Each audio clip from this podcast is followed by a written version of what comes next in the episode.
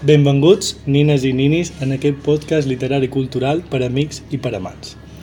Avui venim a xerrar dels Dies Bons, una novel·la en tres parts i en tres veus narratives que ens expliquen i ens donen una visió del que és la convivència amb les drogues i les addiccions, marcada pel context de la Mallorca turística, des dels anys 70 fins a dia d'avui. Full de nits, no toquis per favor.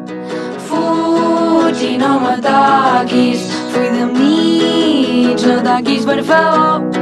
Fuig i no me toquis Miquelàngel, realment no ets així. El teu nom és Niqui. Vaig volant amb el meu amic Frank. Tot és copiat Bueno, Bueno. ja hi tornem a ser. Un dia més. Un dia més, amb els dies bons, i avui no estem tots sols, sinó que ha vengut a veure amb l'autora d'aquest llibre, Naina Fullana, benvinguda, Aina. Com estàs? Bon dia, què tal? Moltes gràcies bon per dia, dia bon. Uh, bé, um, avui en vez de fer una conversa farem un poc d'entrevista i un poc conversa amb l'autora, que la tenim aquí, i per començar, Clar, és que abans de tot volíem dir, perquè això s'està molt posant de moda de, de demanar si això és real o no és real, perquè és veritat que ara hi ha com un neorealisme molt clar a la literatura, que, mira, que això tot depèn. Però volem xerrar de que, que mos és igual si és real, si no va passar, si va passar, perquè volem xerrar del llibre. Que és el contingut i, que com no està que- escrit Claro. i tot això. No sé. Això, clar, nosaltres no venim a, a, a demanar això perquè Sí. mos pareix com una pregunta com molt, molt íntima. i no, això- no, no mos interessa.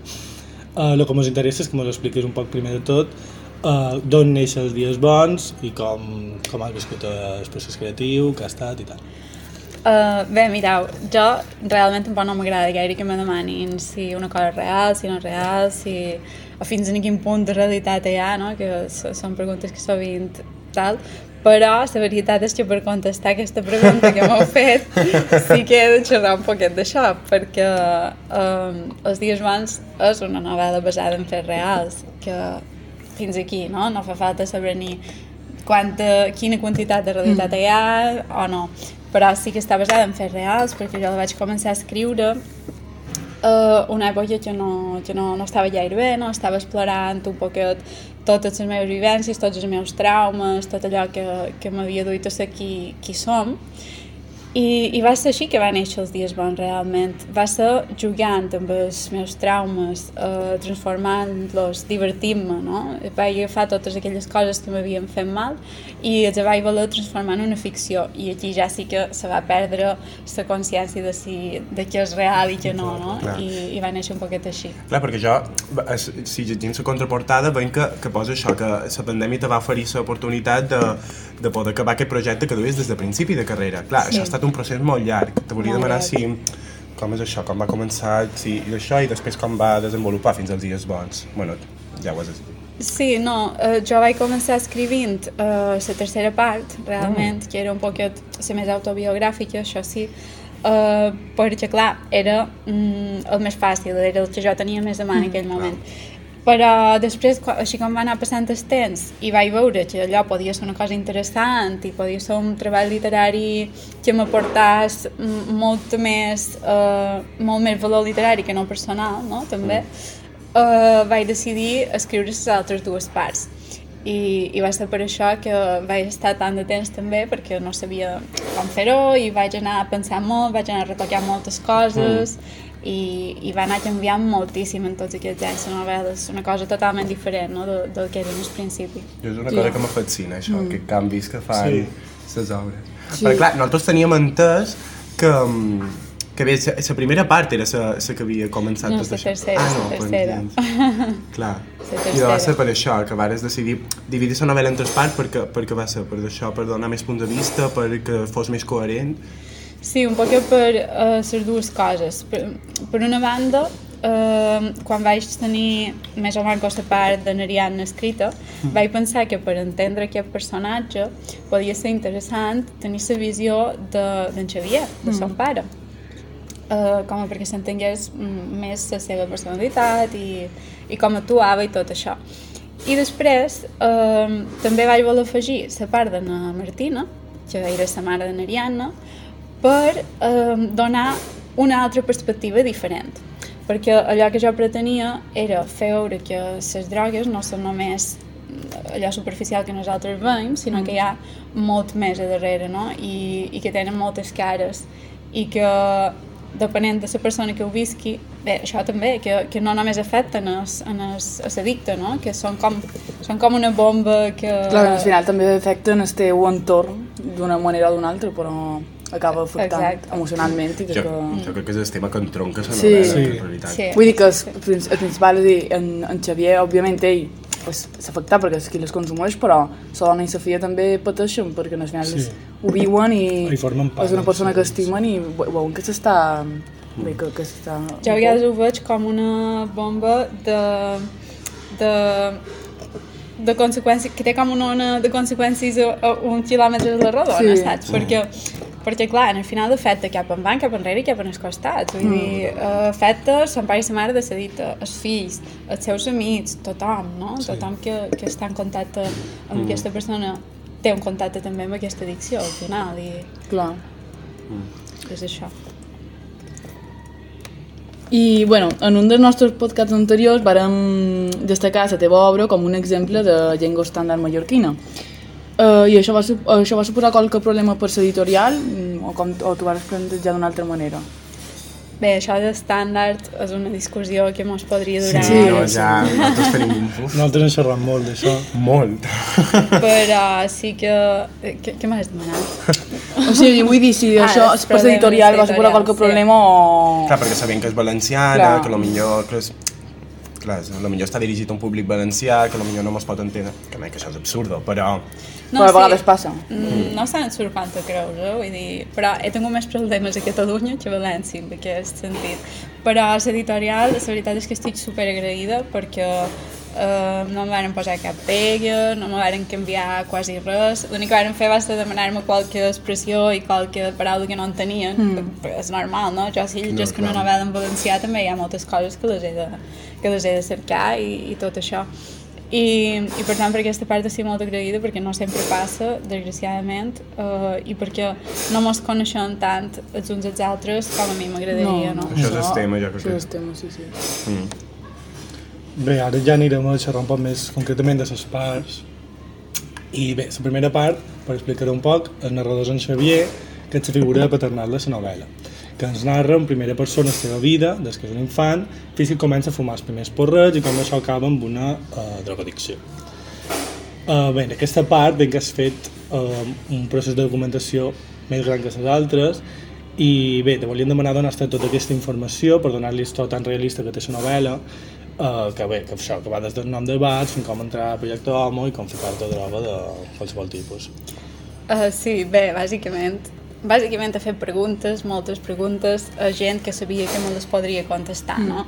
Uh, I ha estat el, més, el que més m'ha funcionat. Però també és vera que he cercat coses per internet, perquè avui en dia hi pots trobar qualsevol cosa, no? És a dir, tu cerques com punxar-te heroïna i te surt com ho has de fer i te surt tot, no? Això és bastant terrorífica. Que també està bé realment si ho Sí, penses, perquè si te vas ficar heroïna, mira, el manco feu bé i no Sí, te, no, no te destrossis el braç més de lo que ho faràs ja en la droga, no? Mm. Però eh, també, no sé, també he tirat un poquet d'imaginari de sèries, pel·lícules i coses que més o manco si has vist mm, pel·lícules i sèries d'aquestes saps com és aquest món, no? Sí. Però bé, més que res això, preguntes, preguntes a la gent que sabia que me les podria contestar i, i demanar informació i ficar-me un poc, ficar un poc el nas allà on no m'ho demanava. Ja m'ha fascina perquè és molt realista. Sí, és molt realista. Sí, I és, fins i tot, que arriba a escorrofar i tot. Jo, a part que com que m'escorrofava, però perquè està com molt ben explicat i també el procés de projecte Homo, com que està molt detallat, tipus, les passes que fa una persona que entra i l'evolució i tot això. Això a mi també, quan ho vaig, eh, quan ho vaig documentar, me va pareixer super interessant, eh? jo no ho sabia en això, vull dir, no, no tenia ni idea. Hi ha coses que sí que les sabia, um, també per la part aquesta que vos dic, de, de, de la part biogràfica que hi ha i autobiogràfica també hi havia coses que jo les, les sabia de, de, de la meva vida, però això després de Toma, per exemple, sí que va ser una cosa que me va, sorprendre i m'ha paregut superinteressant. O sigui que la novel·la també m'ha servit, escriure-la m'ha servit per, per aprendre, no? Sí, També. no, clar. a mi m'encanta com això, relates aquest món de, de la drogadicció, de tot, com mm. allà els, els camells, amb les papeles, no sé què, és que m'ha pareixer com a tan fascinant i, i crec que ho fas molt bé. I damunt vaig xerrar amb ma mare i perquè ma mare ho va llegir, i, i trobava que estava com molt ben fet el context, perquè jo crec que això és molt Està molt ben important. contextualitzada la novel·la. Sí, com que també nosaltres molt l'ambient de poble, de, de, de, sí, que és, nosaltres molt ambient de poble, de Mallorca, de, Mm. de l'època en sa que està. Mm. I... Sí. Perquè, clar, aquesta és la part que més se relaciona amb el context, Sí. en plan que les altres, perquè existeix una relació molt clau. I voldríem destacar sobretot el, el capítol en què en, en Xavi se va, a viure, se va a fer feina i a viure a Cala Millor. I podem veure això, els dobbers, tot això, els dobbers que se manejaven i l'estil de vida i, i com el turisme va fer va, va afectar en aquesta generació de joves que veien que, que això, que, que la seva vida canviava per complet i no s'apareixia gens a, la de son pare, que això se veu claríssim en Clar, a veure, jo crec que una cosa molt important a part del turisme és la mort de Franco, no? I la fi de la dictadura. Uh, perquè veure, jo no hi era, però mm, jo, segons el que he après i el que m'han contat, crec que aquesta, això els hi va donar una llibertat i alhora mm, uns dobbers i unes ganes d'explorar el món també, perquè clar, si tu ja vas de sortir d'una dictadura, en el final el que vols és llibertat Clar. i, i que aquests joves se van trobar amb una llibertat i un dobbers que son pare i sa mare no havien tingut mai. I, i clar, mm, també el fet que hi hagués aquest auge de drogues al final eh, va fer que tota la generació eh, se veiés abocada dins aquesta epidèmia, perquè va ser com un Clar. poc una epidèmia. Perquè... I a més com a des de molt jove. Sí, o sigui, com que, que- comencen molt jovenet a, Sí. A fer feina a i fer jo... feina, lo a fer que- molt de dobbers i poder fer qualsevol cosa. Lo Mon que em sorprèn molt- Mon pare, per exemple, de la generació anterior, és més nascut en els 50, i me diu que ell no podia fer tot això, ni molt manco. Clar, I clar. després conec que fills, eh, pares d'amics meus que van néixer 10 anys Sí, després sí, sí, i és jo molt diferent, en plan, Jo mon pare me conta coses que són... però és que vivien en una altra banda. És que era una cosa brutal, però a la vegada supernormalitzada, saps? Vull pues- dir, no eren una minoria joves que, que estaven ficats dins aquest món, no eren una Clar. minoria. No sé si eren majoria, però eren moltíssims. Nosaltres I el en- que ens sorprèn molt, que sempre en plan, ho xerram molt, La és quan- frase aquella. la frase aquella que diu, tipo, tenia molt de dobbers i me podria haver comprat una casa, com en 19 anys o això,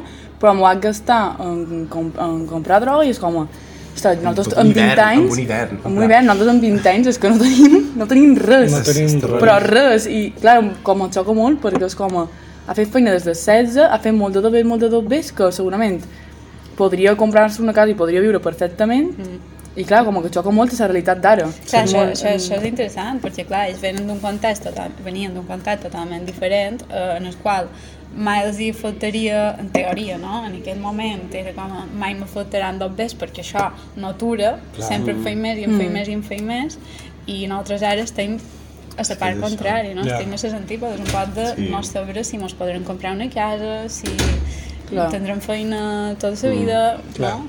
Amb ell que créixer exponencialment és impossible. I arribat No, és que això del pelotazo és, és un tema...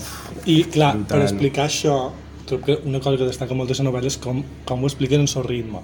És, aquesta part ja és frenètica i clar, té una relació amb el que s'està explicant, perquè en, en no res passa de, de ser un que fuma porros a, a ficar-se de tot. Um, clar, uh, hi ha la intenció que se relacioni aquest, ri, o sigui, aquest ritme tan frenètic amb la vida, en plan, en lo ràpid que va aquesta addicció que, que, que en un moment Sí, mem, jo crec que això va venir un poc tot sol, perquè el personatge d'en Xavier ho demanava, no? Eh, era com impossible... La seva personalitat, la seva mm. manera de ser, de passar d'una feina a l'altra i no sé què tal, això ho demanava, que fos eh, aquest ritme. I a part d'això, eh, també jo volia escriure un poc tota la vida d'un personatge, no només una part, i tampoc no volia que se fes massa llarga i avorrida. Clar, no? Jo clar. moltes vegades llegia la novel·la i si veia que un tros me quedava un poc entrevessada i o havia de tornar a llegir perquè m'havia despistat o ho votava directament perquè ja sabia que venia i no m'interessava tornar a llegir ho llevava llevava trossos d'aquest fragment, perquè deia, si jo m'avorresc que soc soltora, imagina't el lector, Ja, no? Clar, és que a nosaltres m'ha sorprendre molt perquè és com que se llegeix en res i clar, i vàrem, Brutal. com que clar, la vida de, també d'en Xavier és molt exagerada perquè és com que Ja. Canvia de feina cada dos per tres, no sé què tal, ara, ara vaig aquí, ara vaig aquí, ara fa no sé què, ara va... És que i el que com, comentàvem, que les edicions no només és això, sinó és un estil de vida d'això, pam, pam, pam, Sí. pam, fer coses, fer coses, fer coses, i és, és que... Sí. Clar, i la primera part pues, com que també te, te, te, te, te fa entrar molt dins aquesta acceleració de, de, de fer coses i fer coses. Home, tu pensa que una dita que vol, uh, vol aconseguir dos bes per aconseguir drolla, no? Per aconseguir dos bes ha de fer feina. Quan té una feina i té dos bes i pot aconseguir drolla, li és igual la feina, perquè ja té la droga, no? Després una altra vegada torna a començar a serrada. un cicle. És així, Un cicle, és així sí. sempre. I és que en- per en- això sempre he estat tio, no? Pensant, com puc aconseguir dos bes ara per aconseguir...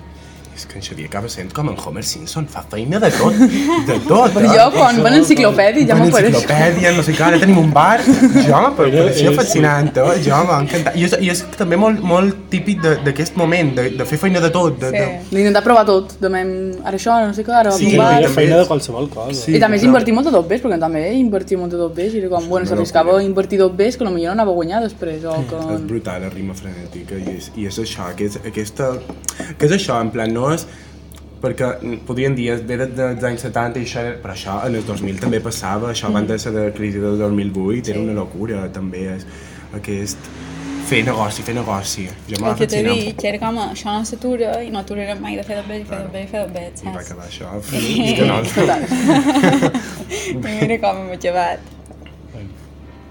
Uh, bueno, ara em xerrarem un poc de la segona part, i en la segona part uh, de la novel·la l'autora narra el punt de vista de la dona d'en Xavier, na Martina, una dona que ha de conviure amb la malaltia del seu home mentre es cuida els seus dos fills. I te volien demanar que abans, mm, bé, primer, com va ser aquest canvi de bona narrativa, perquè la primera part és com molt frenètica, molt, molt accelerada, i la segona part pues, hi ha com un canvi de ritme que se nota molt, és, és més pausada, no, no és tan accelerada, i com va ser com passar d'escriure algo molt accelerat a algo més, més tranquil, més... És que també va ser com una cosa mm, intuïtiva, no? Al final, cada personatge te demana mm. unes característiques diferents i, i si els vols caracteritzar bé, t'has de, de, un poc, has de cedir, no? Davant mm. aquestes demandes del propi personatge. Uh, I un poc la intenció era també mm, confondre el lector que no sabés de quina part s'havia de posar, si s'havia de Això posar... si passa no, passa molt. si no, moltíssim, no? Un poc, eh, la pare d'en Xavier tots són o oh, superdivertit, no sé què, o iufu, festa tal, però després passes a l'altra part i dius, ostres, i ara què? I això era un poc la intenció. Que ho hagi aconseguit no, No, no, no, No, que ho Sí, aconsegueix bastant, perquè és com, claro, tu se parla en Xavier és super, que és una vida que dius, ostres, pues... Te fa ganes i Te tot. fa ganes i tot, hi ha un moment que dius, això de festa, de sortir, de- d'ara me'n vaig aquí, ara me'n vaig allà, i clar, després veus la part de la dona, claro, I no te'n fa tant. i no te fa tanta gràcia, perquè penses, gens. si fos ella, pues de lo És millor... incòmode, Això- jo això perquè incòmode, sí, perquè sí. que te fa com a qüestionar-te tot el que has llegit abans i dir, vale, ok, tot el que pareixia tan feliç... Clar, jo crec que el però llibre tot te fa, te, te, te, te fa molt ficar-se dins el personatge, com se'n diu un poc el que sent cada un. Perquè damunt, com t'ho està contant, com tu notes la veu que, que com si te sortís de tu, és Mm. com pareix que tu ho estàs contant, o pareix que t'ho està contant com si fos un interrogatori, que te fiques moltíssim, i jo vaig notar molt aquest canvi de dir, hòstia, vale, tot el que m'havia pareixut, parescut tan divertit, tan, uah, vinga, ara no, no ho és gens, No eh? fa- no fa no és gens. gens, No, no. clar. Hi ha un parell de capítols bastant Heavy. terrorífics.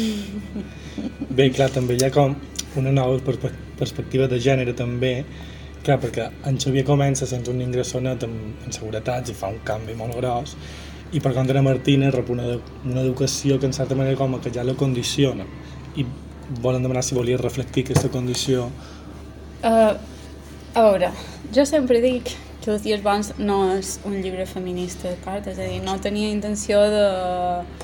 A veure, jo som feminista, no diré que no, però uh, no tenia amb aquesta novel·la una intenció de reivindicar mm, el feminisme, però sí que se mostra, i això sí que ho volia fer intencionadament, uh, que està marcada dins una societat completament patriarcal, no?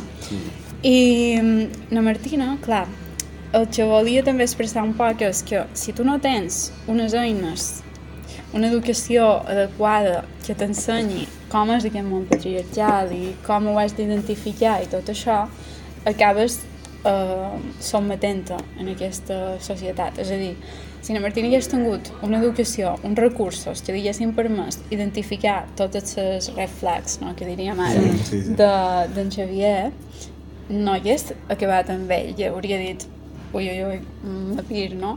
Sí. Però no ho fa perquè no ho sap. No ho sap. Ella només sap que s'ha de casar i ha de tenir fills i ja està, i ja veurem després, Sí. no? Sí, és, És que és jo m'apareix un personatge que me fa molta de pena perquè és molt que s'endú i, i veus que en realitat com es, moltes vegades la relació que tenen ells dos, d'en Xavier i Martina, és en Xavier empeny tota l'estona, tota l'estona, tota l'estona l'endua, se l'endua no sé on, ara feim això, ara mos casam, i com aquella pareix que no té cap moment de decidir, vinga, va, ho feim. Mm. Perquè moltes vegades se diu a la novel·la que, bueno, ell me deia que sí i jo anava tirant. I Sí. anava No sé, jo m'ha pareixit molt interessant això de una persona... I, I jo crec que, clar, se pot llegir en clau de gènere, però si no la teva intenció, clar, això depèn. Però, No, a veure, és evident que sí. Ah, Jo el que dic és que no, no volia posar l'etiqueta, no, de dir No. Els dies bons és una obra femi- feminista, perquè no crec que ho sigui. Però, òbviament, la situació d'Anna Martina és una situació de maltractament de gènere, en el final, encara que no sigui violència física, uh, i està molt marcada pel patriarcat i per la societat masclista, és que això és, és, Clar. no se pot obviar, no? Sí. I clar que també ho volia mostrar, però mostrar-ho. Sí, no és una cosa pamfletària. Sí, com no, no, no. sí, està- és això, però... no està, no, no, en cap moment mi- diu per sa dona vaig viure així de Exacte. malament, No, no, no, és com és- ja ho veus tu i ja Sí. ho entens. Era una ja realitat, era, era així. Exacte. Ha una part petita de la novel·la, la novel·la toca... Clar. Toca moltíssim de molt- temes. Claro. I això, però aquest el Sí, toca sí. i és... I, Sí, sí, sí, no, totalment. Que troc que és, No, Però també és interessant com veure com les posicions de cada un, no? Tipo, Mm. ells en el final diu per tot el que fa ell, perquè Sí. Fas bar i ja fas tota la feina o... I quan romp amb això, com que tu veus... I, i és molt guapo, no? No hi ha un moment que diu quan, quan rep el seu primer Ah, sou. del sou, sí. Sí, és molt... Això és És molt molt guapo. guapo, és que diu, per és- primer pic tenia el meu dos bes i podia fer el que volia amb el meu dos bes. Això es fa molt guapo perquè és com, És redentor no sé, per és com, personatges, ell, jo crec que per ell és com, pues, no sé, un, una victòria de dir, pues ara tinc, puc És que fer que final, vull. ara aquí sí que vull comentar una cosa, perquè moltes vegades hi ha doctors que me diuen és que aquesta dona com podia aguantar tant, no? Com pot ser que el personatge d'Anna Martina consenti tot Mm. això que consenten en Xavier, tot això. Clar, és que aquí se demostra, no?, que no és que Anna Martina fos una ingènua, fos una persona incapaç de prendre decisions o tal, sinó que quan tu estàs dins una relació mm, tan tòxica i tan eh, desnivellada, no?, que diguem, que una persona té tot el control sobre tu, tu no te n'adones de Clar. res. I al final estàs, entres dins una dinàmica de... Mm, que aquesta persona te fa unes promeses, te fa unes coses que tu t'arribes a creure i, ostres, és, és el pare del teu fill Clar, sí, sí. que has de fer, saps? I això sí que hi havia intenció també de mostrar-ho. I que és molt complicat, vull dir, al final desfer-te com... I també darrere, tipo, ell tipo, també has dit, és com, ella sap que si ho deixa, al final, pues, vulguis o no, ell sap que té com una família darrere que també l'ajudarà. Sí. I si el deixa, ja sap que ell caurà com dins un pou i no, i no en sortirà. Sí, I és molt difícil, és com aquest dilema de què faig. Vull dir, fins a quin punt Sí. he d'aguantar, fins a quin punt no. Molt, o sigui, és una posició molt difícil, ser Sí, Martina és veritat que és, és una molt difícil. molt difícil.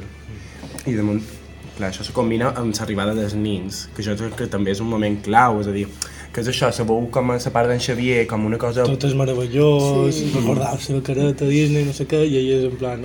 Pues, Pues se no va- està. se- Pues un dia va agafar en Ferran, se'n van dur i, i jo m'he quedat que no sabia què fer. Clar, jo crec que això també és, és molt, marca molt aquests personatges, l'arribada dels fills, el manco jo.